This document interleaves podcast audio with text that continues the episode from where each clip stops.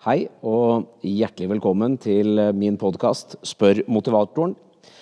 I dag skal jeg snakke om noe som er veldig spennende. Vi skal snakke om det indre bålet. Eh, jeg fikk eh, nå en henvendelse fra min eh, reservedatter Sofie, faktisk. Som da er en venninne av min eldste datter Sara, og som jeg har kjent siden hun gikk i barnehagen og vært på gått Besseggen med, og hun har vært hos oss mange ganger. og Ordentlig bra jente. Og så er hun selvfølgelig da såpass klok at hun hører på podkasten til reservepappaen. Og så skriver hun til meg dette at du spurte om tematips, og så kom jeg på noe et befal fortalte meg i militæret. Vi kom nemlig inn på temaet indre motivasjon, og at hvert enkelt individ har hvert sitt bål å holde fyr i. Men at noen har større bål enn andre. Og dermed kan samme bøtta med vann slukke og ødelegge bålet hos noen, men ikke utgjøre noen særlig forskjell hos andre.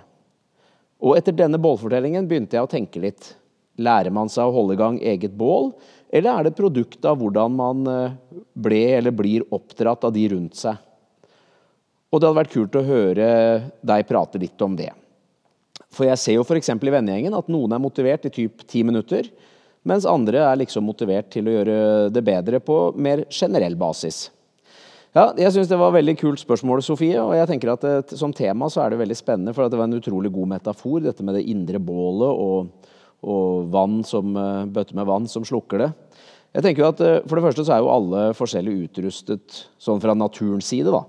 Eh, noen av oss er jo født veldig, veldig sånn med masse energi hele tiden og mye ja, holdes lett oppe, og andre er ikke utrusta på samme måte. Og så er det klart Miljøet har veldig mye å si. Hva er det du er vant til? Hva er det du har sett de rundt deg gjøre? Hva har du lært av andres atferd?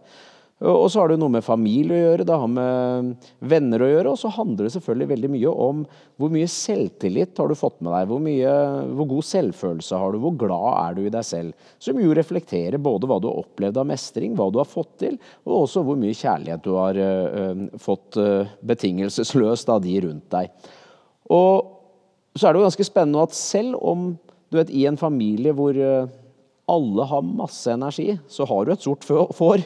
En eller annen som eh, allikevel ikke har det. Og så har du en annen familie kanskje hvor det, er, hvor har, eh, hvor det er ganske stille i huset. Men så har du én spilleoppmaker.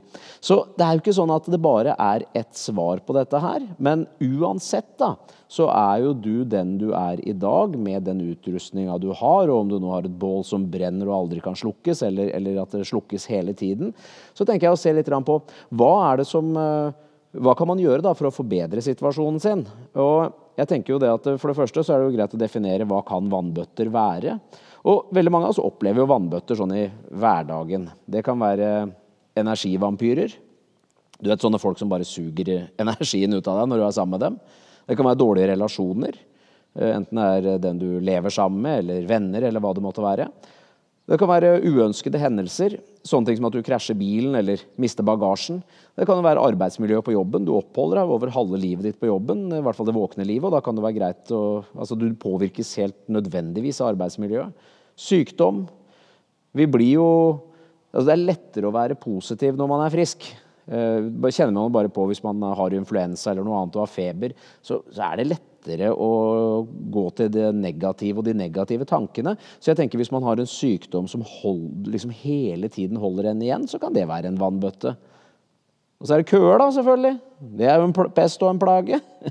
Det er jo eh, også sånne ting som eh, forsinkede busser, stress, nederlag. Og så kan det være livssituasjonen som gjør det. At man er midt i en skilsmisse, eller man er arbeidsledig, eller man er i en eller annen sorgprosess av en eller annen grunn. Og jeg tenker at det, det, er jo enkelte ting her vi kan påvirke, og som er viktig at vi påvirker. For det første så kan vi påvirke hvem vi omgås med, i stor grad. Vi kan velge vennene våre. Vi kan ikke velge familie, vi kan velge omgangen med familie, men venner, det kan vi velge. Og så er det en veldig viktig ting, og det er hvem er du deler livet ditt med? Altså hvem er den andre parten i livet ditt, hvis du har det? Og hvis du ikke har en andre part i livet, hvor bra har du det med deg selv? Som jo selvfølgelig burde ligge i grunn for alt, da, men Og så handler det om uh, hvor jobber du hen? Trives du der? Er du på riktig hylle? Hva jobber du med? Og så handler det jo om en annen ting også. det er jo, Vi snakker om dette med stress. da. Hvordan disponerer du tiden din? Hvor flink er du til å planlegge?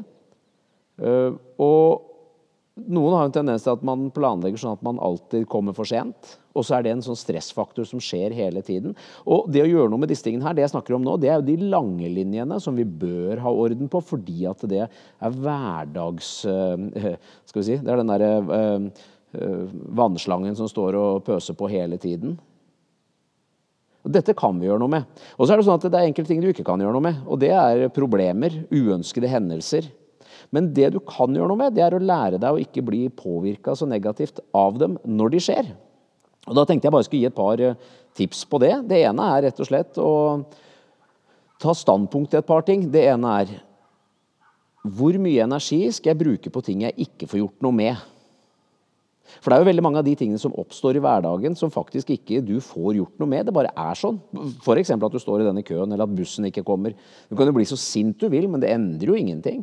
Du kan bli så stressa du vil når du kommer for sent på jobben, men du kommer jo for sent, og da er liksom spørsmålet skal du bruke energi på det, eller skal du la det være. Og så er det en annen ting også. Det er hvor mye skal jeg la andres problemer og utenforstående hendelser påvirke hvordan jeg har det? Og bare det å være bevisst på det gjør at det er mye lettere å unngå å la det påvirke deg, og at du bare hever deg over ting. Uansett om det er andre ting som skjer, eller om det er andre mennesker og deres oppførsel. Og så er det en annen tredje viktig ting her, og det er å trene på å legge ting bak deg. Gå videre. Ikke bli stående igjen i vanskelige ting. Ikke bli stående igjen i kjipe situasjoner. Det handler om å legge det videre og la følelsen ligge igjen sammen med situasjonen. Så takk, eh, Sofie. Det var en uh, utrolig fin metafor og en uh, fin grunn til å prate om noe som er viktig. Takk for at du hører på. Hvis du ønsker mer, så bør du selvfølgelig abonnere på denne podkasten her. Det er helt gratis. Du gjør det enten på iTunes eller på Soundcloud eller hva du måtte ha på telefonen din eller PC-en din som du kan abonnere med. Og eh, du kan finne mer av meg på motivasjon.no. Du kan sende meg en mail på hammer at motivasjon.no. Det var hammer at motivasjon.no. Og skulle det være noe annet, så finnes jeg jo på Facebook under Øyvind Hammer og sånne ting. Men tusen takk for at du hører på. Vi høres snart igjen.